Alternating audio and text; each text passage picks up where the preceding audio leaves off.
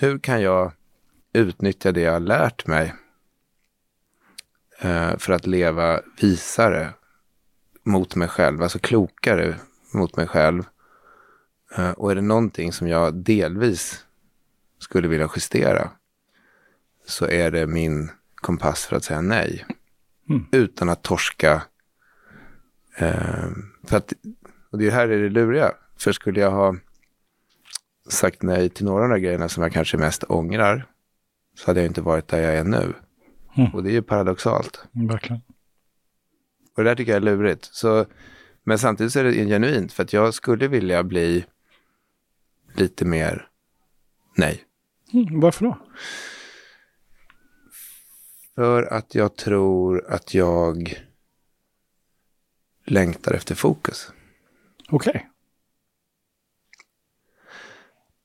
Mm, jag tror det.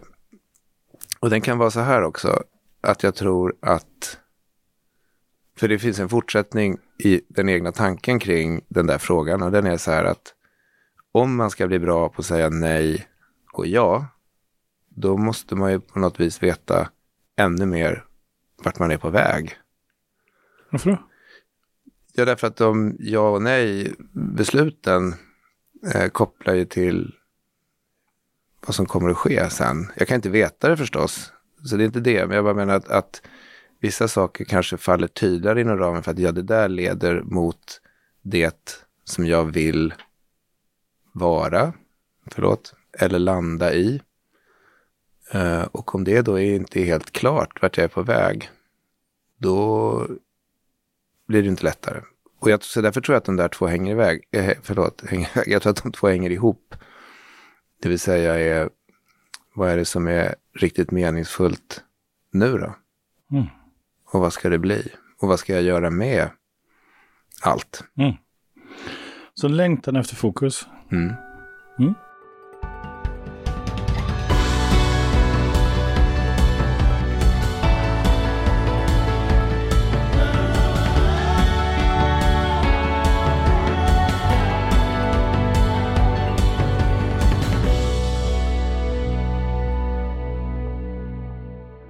Vad, händer hos dig när du säger ja till saker, Linus?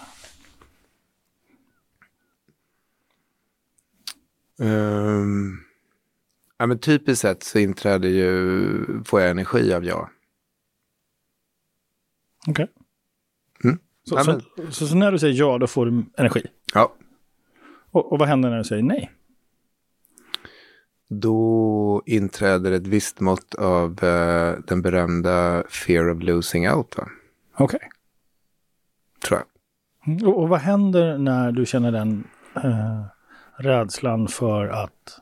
Ja, hur skulle du beskriva det på svenska? Fear of losing out? Ja, men okej då. Men det, var, det heter inte FOLO. Men alltså, jag tänker, ja, men, egentligen tror jag inte att den är så ångestdriven. Eh, utan egentligen tror jag att det är den omvända kraften som är starkare, det vill säga nyfikenheten att. Eh, och eh, glädjen av. Men jag är också medveten av att det väldigt ofta finns en underton av ett visst mått av bekräftelsebegär och eh, men både bekräftelsebegär och en ständig glädje att utmana mig själv för att jag vill kunna vi- be- bevisa att jag kan. Mm. Det är ett väldigt lätt sätt, ett väldigt lätt anledning till att säga ja. Och de där två hänger, hänger ihop. Och sen blir svaret på din fråga, den blir något, en konsekvens av vilken sån här valsituation det är. Det, det, för det går ju från det lilla till det stora. Mm. Men om vi, tar, om vi tar det här nejet som du borde säga nej till. Mm. Det kan ganska ofta komma av en eh, påtaglig känsla av plikt. Mm. Alltså att eh, säga ja för att hjälpa till eller för att engagera mig i något. Och sådär så kan jag känna ett starkt känsla att jag borde. Någon frågar ju för att den på ett eller annat sätt har bedömt att jag skulle kunna hjälpa till eller vara värd eller eh, vara meningsfull. Och så känner jag att det kanske man ska ställa upp på. Men då kommer ju konf- ofta konflikten med att egentligen så skulle jag kanske ha velat värna både min egen tid Men också, det finns också värna en slags eh, intellektuell eller mental integritet. Det vill säga att varje grej man engagerar sig i eller tar sig an skäl ju också bandbredd eller ja, resurs av en. Mm. Och sen är ju livet sånt tycker jag också att vissa saker dyker upp som man överhuvudtaget inte har val till. Mm. Alltså sånt man måste hantera. Det kan ju vara att eh, någonting drabbar en närstående eller det kommer eh, ja, saker som händer, du måste deklarera. Så Mm. det kan man ju inte välja. Mm, Men nu beskriver du massa situationer där du eventuellt säger nej. Men om jag frågar dig, Ja. vad, vad, alltså, vad händer för dig när du säger nej i lägen du faktiskt, där, där det är viktigt att du säger nej? Vad händer för dig då? När jag säger nej, Mm. alltså det är när jag gör eh, ett positivt nej. Kan man kalla det så? Ja, nej. Ehm, när det är viktigt att säga nej. Det kan ju vara både positivt och negativt, tänker jag. Ja, okej. Men ehm, ja, jag ska reda ut vad det var jag försökte säga strax innan. För, och- jag vill ta det först, så ska jag komma tillbaka till din fråga. Det är att det, blir, det är konkurrens. Alltså om man, om man säger för mycket ja, så lämnar man väldigt lite utrymme för att ta sig an sådana där saker som man inte kan välja.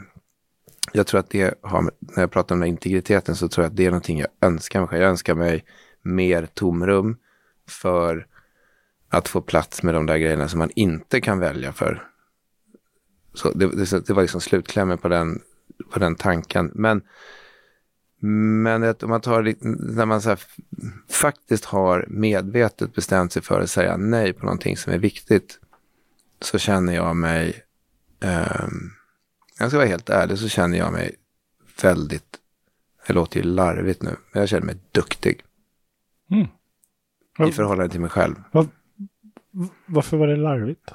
Nej, men därför att duktig, alltså så här, ja, men, så här, det inträder en känsla av att, att eh, ja, det var rätt bra. Och, och, och nej i det här fallet, Alexander, är ju för mig också, den är väldigt närliggande att sätta en gräns. Alltså det behöver ju inte bara vara så här, det är väldigt enkla former, nej jag tänker inte gå på det där eller göra det där eller engagera mig där, utan nej kan ju också vara liksom att sätta en gräns att det där, så där vill inte jag ha det, där vill inte jag göra. Så det, skalan är ju ganska bred. Men jag tror att när jag formulerade ämnet eller frågan så tror jag att den kommer ur en grej som jag just nu lever med i, ganska nära i tanken. Som är så här, vad ska jag bli sen då? Eller vad ska jag göra nu? Och den kom från en annan hisnande grej. Och det var att jag insåg att det är lika långt mellan, det låter ju löjligt, men det är, så här, det är lika långt mellan 20 och 35 som det är mellan 35 och 50. Jag har precis passerat 50.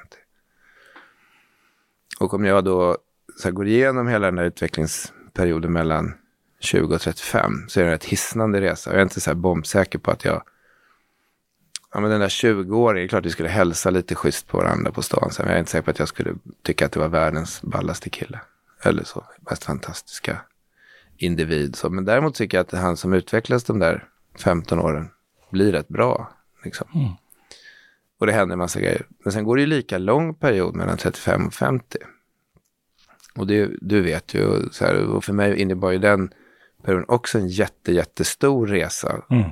Så jag är mycket gladare att möta han som sitter här än han som var där. Eh, Men han hade nog fått en kram, sådär, den här 35-åringen.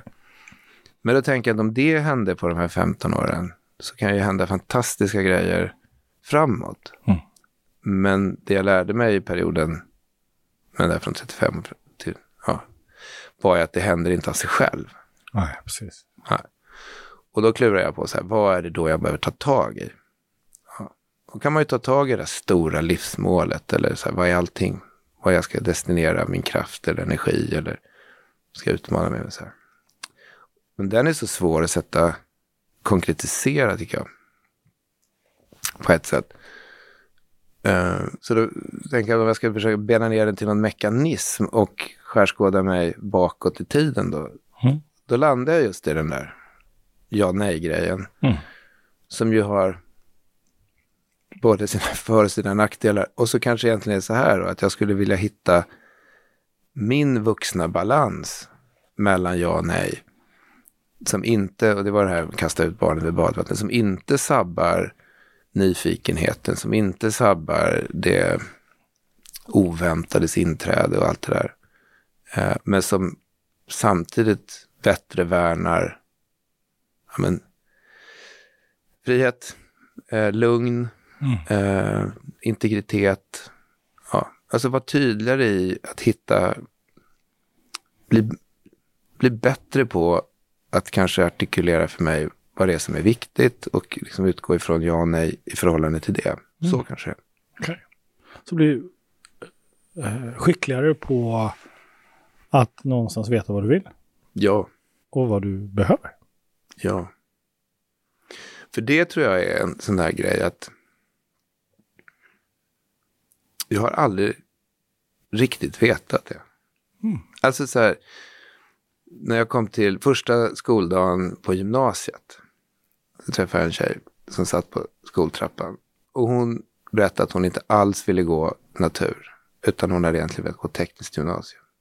Men hennes pappa, professorn, tyckte att det var uteslutet. Hon satt där. Eh, men hon visste vad hon ville bli. Hon, hade, så här, hon var supertydlig med vad hon egentligen ville bli för någonting. Eh, och jag gick upp för de där trapporna och det var kul att träffa henne. Eh, men jag gick också ifrån det där mötet med den där känslan att, men jag vet ju inte. Jag har ingen aning om vad jag vill bli. Klart att jag hade haft drömmar, precis som alla, om massa grejer. Alltså, mm. man var liten så ville man bli brandman. All, alla de där grejerna. Jag hade en dröm om att vara diplomat. Liksom. Och jag skulle bli jag skulle bli en av de starkaste sådana här drömmar om vad jag ville bli en gång, som kanske inte ligger så långt ifrån det jag jobbat med ändå, fast det är inte alls är samma sak. Det var att jag drömde någon gång om att tänka om att få åka runt som en så här specialbud. Eh, och få lämna, liksom så här, överlämna de, säger någonting om mig själv också, jag gjorde på med att spela trummor, men så här, få lämna trumpinnarna till någon känd trummis som ska ha konsert som hade glömt dem där, så får man åka, alltså så här, det där utvalda specialuppdraget, ja det har jag. Mm. Uh, ja, men, så känslan av att aldrig, och, och, och, och det är återigen så paradoxalt, eller paradoxen, för att jag tänker att, att jag inte har haft en så bestämd idé om det har också gett mig möjligheten att göra alla möjliga grejer som jag verkligen haft kul i. Mm. Så att när jag skulle säga så här, vad, vad, ska jag göra nu då? Eller så, här, så, så jag har inte heller något så här klockrent svar. Att mm. jag ska bygga ett Amazon eller jag ska bli eh, filosofiskt visaste. Jag, jag har liksom inte, jag har inte formulerat det där mm. riktigt. Men om man, om man, om man bortser från liksom måldefinitioner och så kikar man istället på eh, hur du vill vara. Så har du ju sagt ganska mycket, tänker jag. Mm. Eh, en, hitta en plats med, för fokus. Mm. Eh, en plats med tomrum. Mm. En plats där, där Linus är vuxen i balans. Mm. Där det finns plats för ja och nej. Mm. Eh, med frihet, lugn och integritet. Mm. Ja, sjukt eh, behaglig, eller så här, extremt attraktiv. Eh, ska du lägga upp det där på en meny mm. så ska man säga, men det tar den, den, den, den, den och marängsvisen på slutet. Mm. Vad var, och vad var marängsvisen?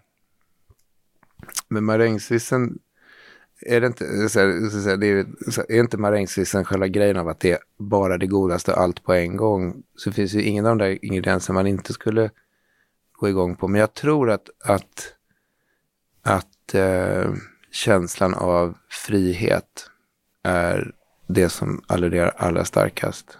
Mm.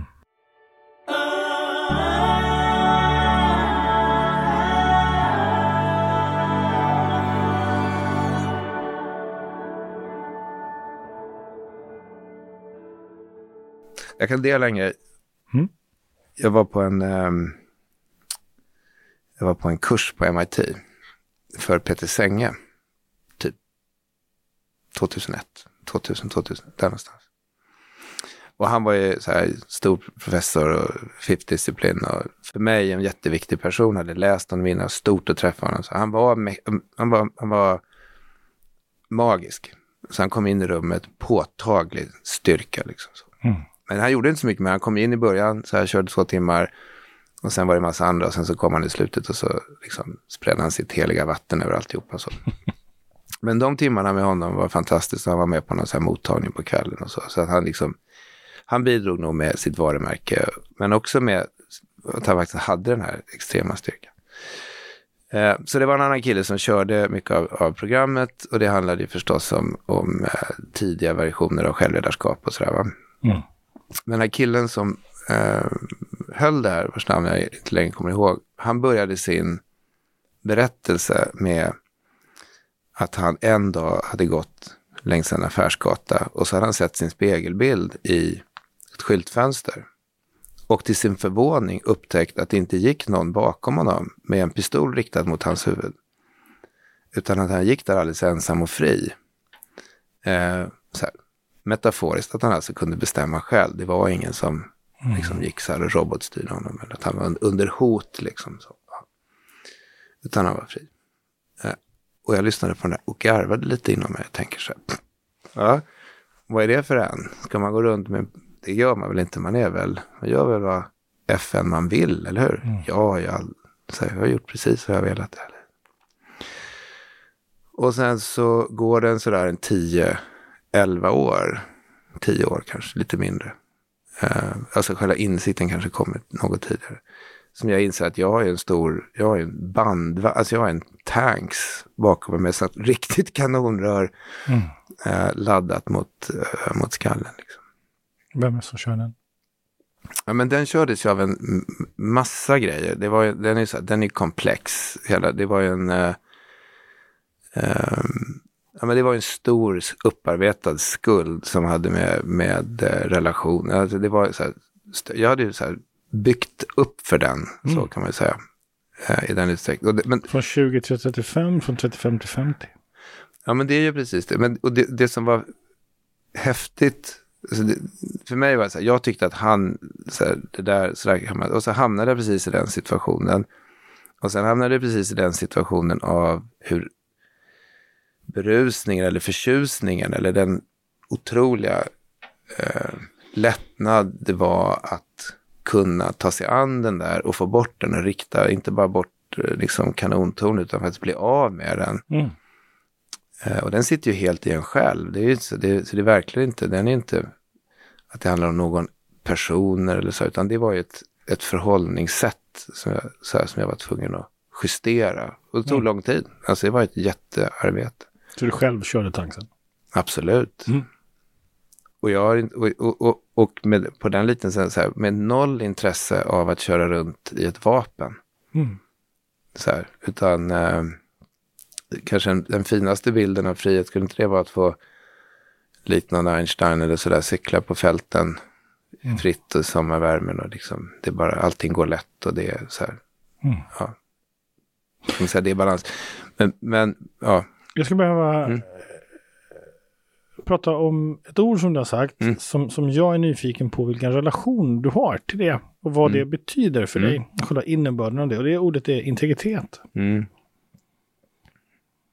Som, som är liksom det sista ordet du sa utav ja. din meny där. Ja, ja men integritet, den tror jag är eh, att vara ärlig med eh,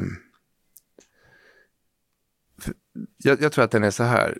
Essensen av integritet för mig, det är att vara ärlig med känsla och handling. Uh, och sen hänger de såklart ihop, men alltså att, att uh, och den tror jag bygger väldigt starkt tillbaka till den här ja nej. Eh, som i sin tur då för att kunna vara fullt ut, alltså för att fullt ut värna den integriteten och därmed kunna vara ärlig så måste man ju också veta grundvalen för de här besluten ja och nej. Alltså att... Varför det? Varför måste man veta det? Ja men okej okay då, det är klart att, att det, det, det, ibland kan, man, kan det naturligtvis vara så att man inte vet. Och då, mm. då vet man ju inte. Men, men, man vet ju lika lite om framtiden när man ska säga ja eller när man ska säga nej. Jo, fast man har ju, jag har ju lärt mig ganska mycket ändå om vad jag egentligen tycker om och inte tycker om. Mm. Vilka situationer. Um, alltså, då menar jag med att istället för att säga ja till sånt som jag faktiskt vet att jag inte riktigt vill eller fullt Mm. ut går igång på, så ska jag ju säga nej då. Det är ju att, värna, det är att vara ärlig och då värnar jag också min integritet. Ja, just det. Så, så saker du vet att du bor, här, här ska jag säga nej. Ja, Och sen då säger du ja. ja men precis. Det är att, att, det är att erodera integriteten och sluta vara ärlig. Ja. Så i vilka situationer är det du inte säger nej?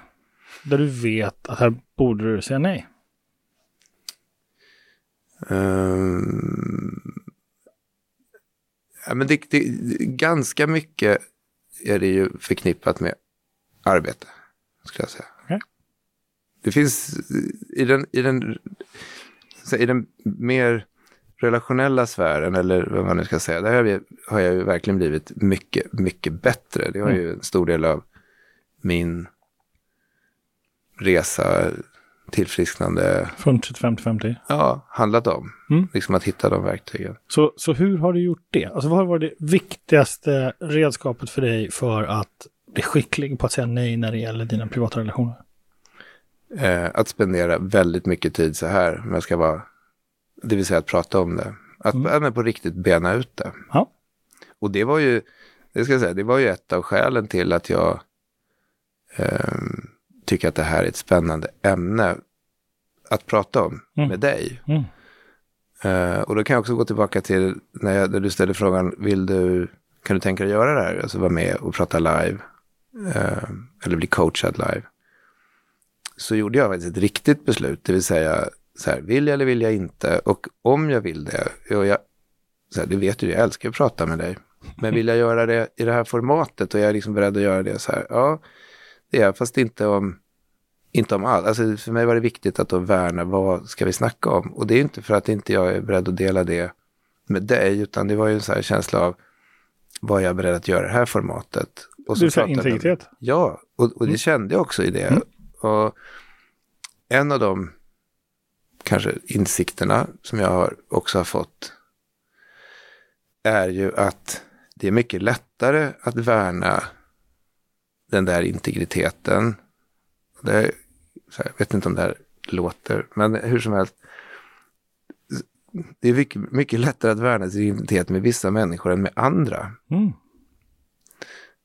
Ehm.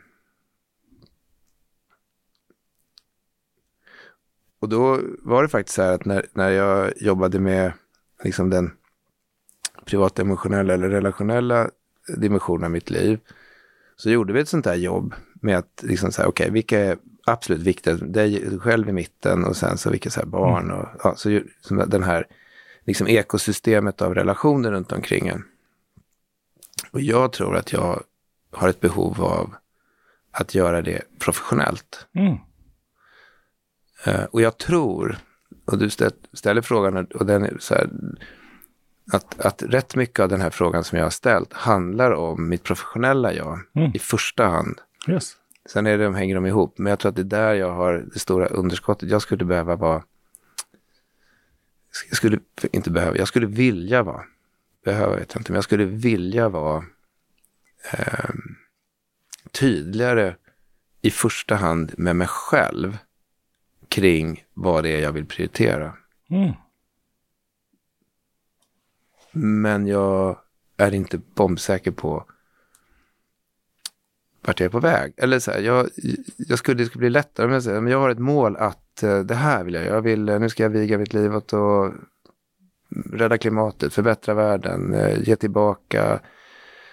Så här, något, något projekt eller någon engagemang som är större. Jag har liksom inte, jag har inte hittat eller formulerat det där. Mm. Utan jag är rätt mycket på, jag är så här, jag är rätt mycket av en gnetare. Jag har ju jobbat Mm. och gjort massa grejer. Vissa har gått bra, annat går dåligt. En fråga. Vad skulle hända om målet var att eh, komma till en plats när du är 65 med en känsla av fokus? Mm. Med en, och att det faktiskt är en plats för fokus. Och där du upplever ett tomrum och står ut med tomrummet. Mm. Där det finns utrymme att känna sig vuxen i balans för att kunna säga ja och nej. Med en känsla av frihet, ett lugn och en tydlig integritet. Det skulle vara, du började med det med hur skulle det kännas, det skulle kännas fantastiskt. Alltså den är så, det är så här, det är ju en, um, det skulle ju vara en, um, en, på många sätt en magisk plats. Ja. Tycker jag. Ja. Och om, om du nu känner efter, för det är du bra på. Mm. Eh, liksom var någonstans i dig Mm. känns det starkast när, när du tänker på den här platsen? Långt ner i magen. Långt ner i magen. Ja, så, så, ben och mage. Ben och mage. Ja, men alltså det är från eh, här eh, liksom i ja, men, navel och, och, och sen i, ner mot benen. Ner mot benen. Mm. Ja. Um, då tänker jag så här, den här... Alltså vad behöver du göra? Som ett språng, är du med? Alltså, Ja, som att som man är beredd. Ja. Ja. Eh, energi. Mm. Alltså. Ja. Och, och då tänker jag så här, vad hindrar dig från att, att, att ha den här upplevelsen redan nu i jobbet? Nej, men det, det finns... Det, jag vet inte om det är så mycket som hindrar mig egentligen. Um, jag, jag tror att, att uh, det är som att den här uh, formuleringen har legat och grott rätt länge. Uh, och jag tror att, att eh, jag, jag tror inte att det är, det är en så bra fråga. Jag tror att det ligger någonting i att föra upp det på den egna agendan. Bara, Mm. alltså bara det i sig är någonting. För upp det, vad menar du med det? Ja, okej, föra upp eh, att det är viktigt att jobba med den dimensionen av Och den Mitt liv. dimensionen är då eh, fokus. Ja, alltså den dimensionen, okej, så här, det, det jag måste göra för att den där platsen ska komma närmare mig, Mm. för att den kommer inte att komma av sig själv. Om jag bara fortsätter göra exakt som jag gör just nu, Check, så kommer jag inte så mycket närmare den där. check. Så därför så är det så här, så här men jag vill dit. Mm. Eh, så det är kanske steg ett och, och steg två är att, att börja, precis som, äh, spelar egentligen roll, men att, att på samma sätt jobba med det på ett strukturerat sätt. Det Mm. vill säga att inse att de här grejerna som vi pratar nu sker inte per automatik. De sker med, med medvetenhet och att man får allokera eller sätta av tid och resurser av sig själv för att göra något åt det. Så tror jag jag känner. Ja, det stort. Jag har en fråga. Ja, men, ja, det kändes inte så stort, men det Nej. kändes som att det var så här. Det är så här jag upplevde att det blev ett jätteprojekt av det. Jaha. Ja. Eh, men om, om man bara funderar, för fokus, Mm. platt, alltså en plats som, som där det faktiskt är ett tomrum och den här vuxna Linus, balans ja nej, får plats. Och den platsen, är det ett tillstånd eller är det en plats? Exakt. Mm. Det är min fråga. Ja, jag, för mig är det nog ett tillstånd. Mm. Som du faktiskt hade alldeles nyss. Mm. Tydlig känsla. Ja, ja. och, och då blir jag nyfiken, så vad behöver du göra för att få tillgång till det tillståndet när du ska ta beslut? Mm.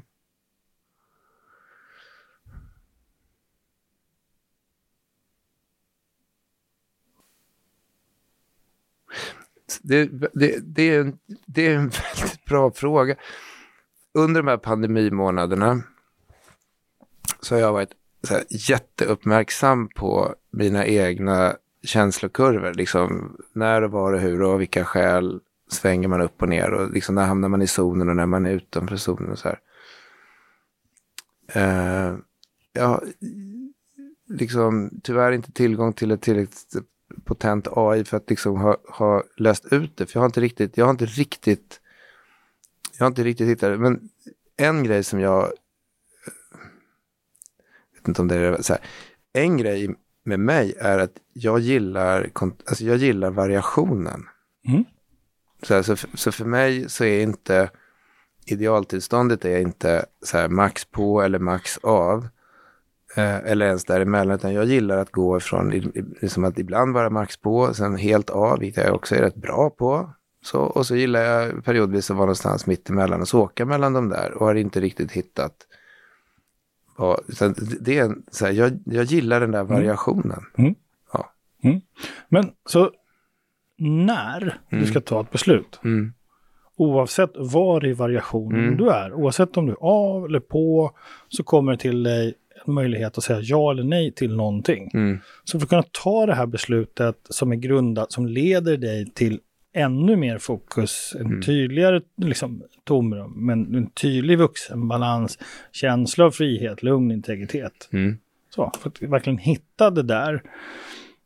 Varje beslut leder ju dig dit. Mm. Ja. Så vad behöver du göra Linus för att få tillgång till det oavsett variation?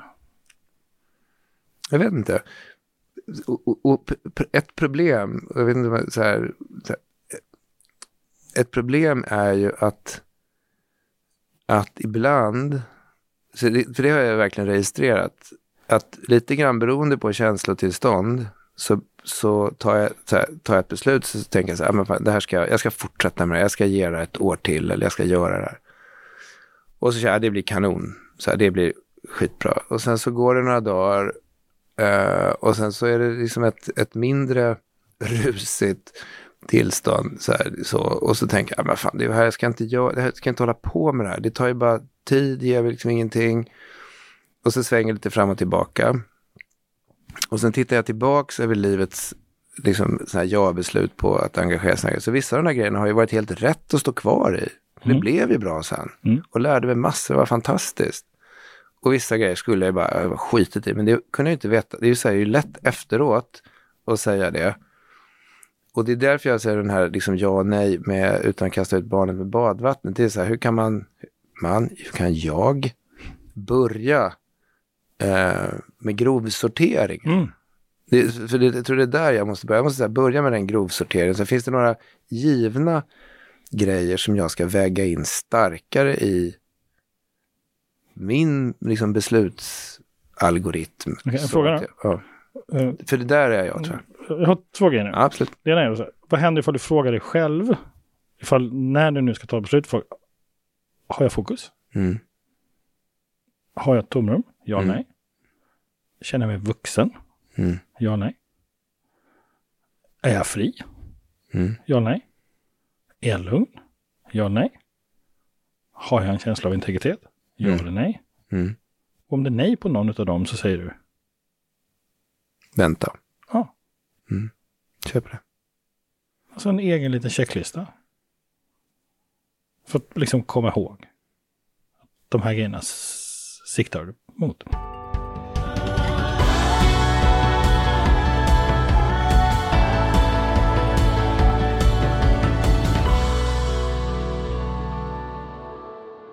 För lite stund sedan Mm. eh, så blundade du.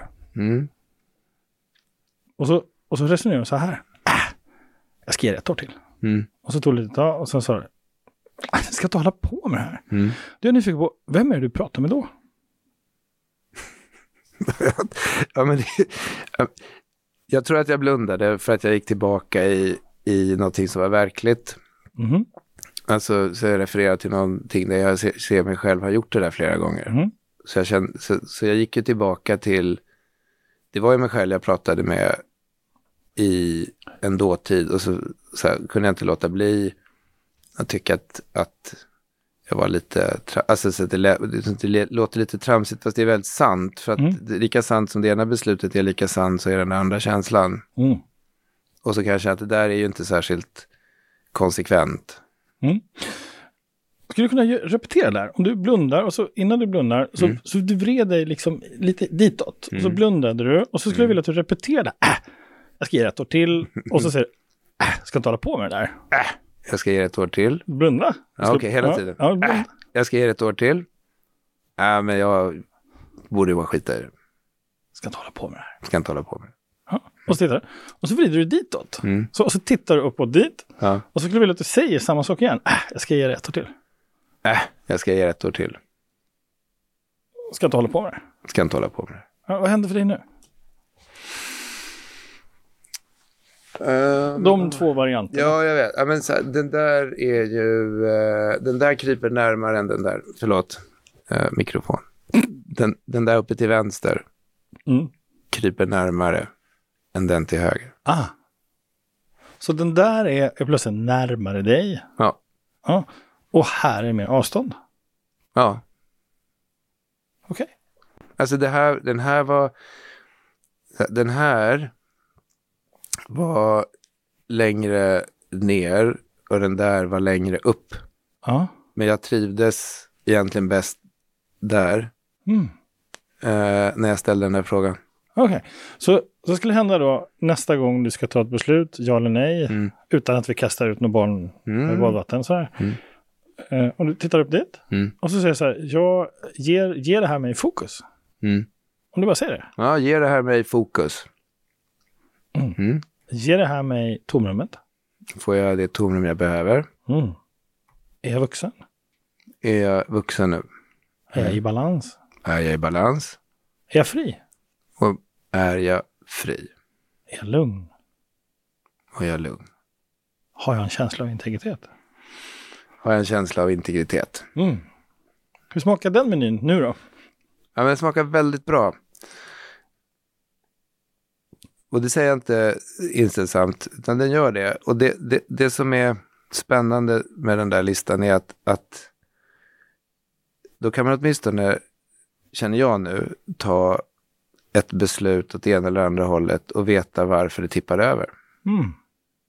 För det finns ju ett, det finns ett annat ord som kommer in i det här som är ju eh, att ta konsekvenser. För det är ju skillnad på det som jag redan har tagit beslut om och sånt som jag ska ta beslut om inför framtiden. Exakt. Så den är ju mycket så här, framåt är det ju väldigt smart att köra listan så att inte man fyller på. Men för sånt som ligger bakom och historien så får man ju tillämpa en, annan. Om du tar en sak Mm. historiskt som du vet med dig nu. Mm. Att det här borde jag lägga ner. Mm. Titta upp. Mm. Ger det här mig fokus? Mm. Ger det här mig tomrummet? Mm. Eh, ger, ger det här mig känslan av att vara vuxen? Frihet, lugn, integritet. Mm. Du kan ju faktiskt applicera det, Ja, verkligen. eller hur? Ja, precis. Ja men, ja, men så är det verkligen. Men, men, men då kanske för att sortera vad det är man ska ta tag i. Ja. Alltså så här, det där, sådär, fast liksom, men det finns flera Mm. Men vi grejer. tar en sån sak och så kallar Ja. vi det för, vi tar en sån sak Mm, som vi fattar. vet att det här borde du ta Mm. tag i. Vi kallar det för eh, Snusdosan. snusdosan. Mm. Det är snusdosan. Mm. Ger, ger det här dig fokus? Mm. Ja, nej. Mm. Nej, det gör det inte. Vi gör inte det. Okej. Ger dig det här en, en, en plats med för tomrum? Nej. Ger det dig en känsla av vuxen? Mm, ja. Mm. Ger det här dig liksom balans? Nej. Ger det här dig känslan av frihet? Mm, ibland. Ger det här dig känslan av lugn? Eh, nej. Ger det här dig känslan av integritet? Nej. Så vad händer med beslutet om metaforen? Nej, men och det, nu, jag tog det på riktigt. Så Mm. dosan, dosan är ju med- liksom ett, ett objekt för någonting som var på riktigt. Ja. Ja. men den, den ger ju... ehm, så, de- den ger... Den sätter beslutet i en annan viktighetskategori än om jag bara skulle ta beslutet baserat på till exempel vad, vad jag har gjort för åtaganden för andra eller Mm. vad det skulle kunna ge ekonomiskt. Upp och ner. Och, och vad är det då för perspektiv den sätter den i? Vad sa du? Och vad är det för perspektiv den hamnar i? Ja, den hamnar ju i... ehm, den hamnar i mitt välbefinnande perspektiv. Så där. Det gör den ju. Och det är ju en så här... Och då, då, det vet ju inte nödvändigtvis alla som lyssnar, men du vet ju lite grann av att den är ju, så här, det är ju en helt parallell till hur jag hanterade en annan del av mig själv eh, när det kommer till, till liksom eget välbefinnande. Så att egentligen borde jag ju ha, och det kanske jag har, goda resurser eller förutsättningar för att, att lära mig mer disciplinerat tänka så också Mm. eh, i, det, i det professionella. Mm. När du är 65, Mm. Uh, och så, så har du, du kanske har varit och jagat. Uh, du kanske har varit och uh, varit i, promenerat i någon skog eller någonting sånt. Och sen mm. så mitt, mitt uppe i ingenstans så dyker jag upp. Mm. Mm.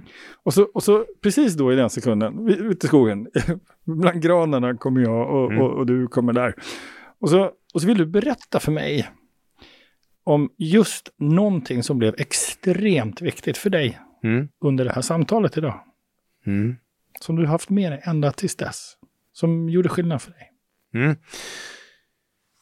Det är bra. Ska bara andas här borta. Nej men så här, det, det är eh,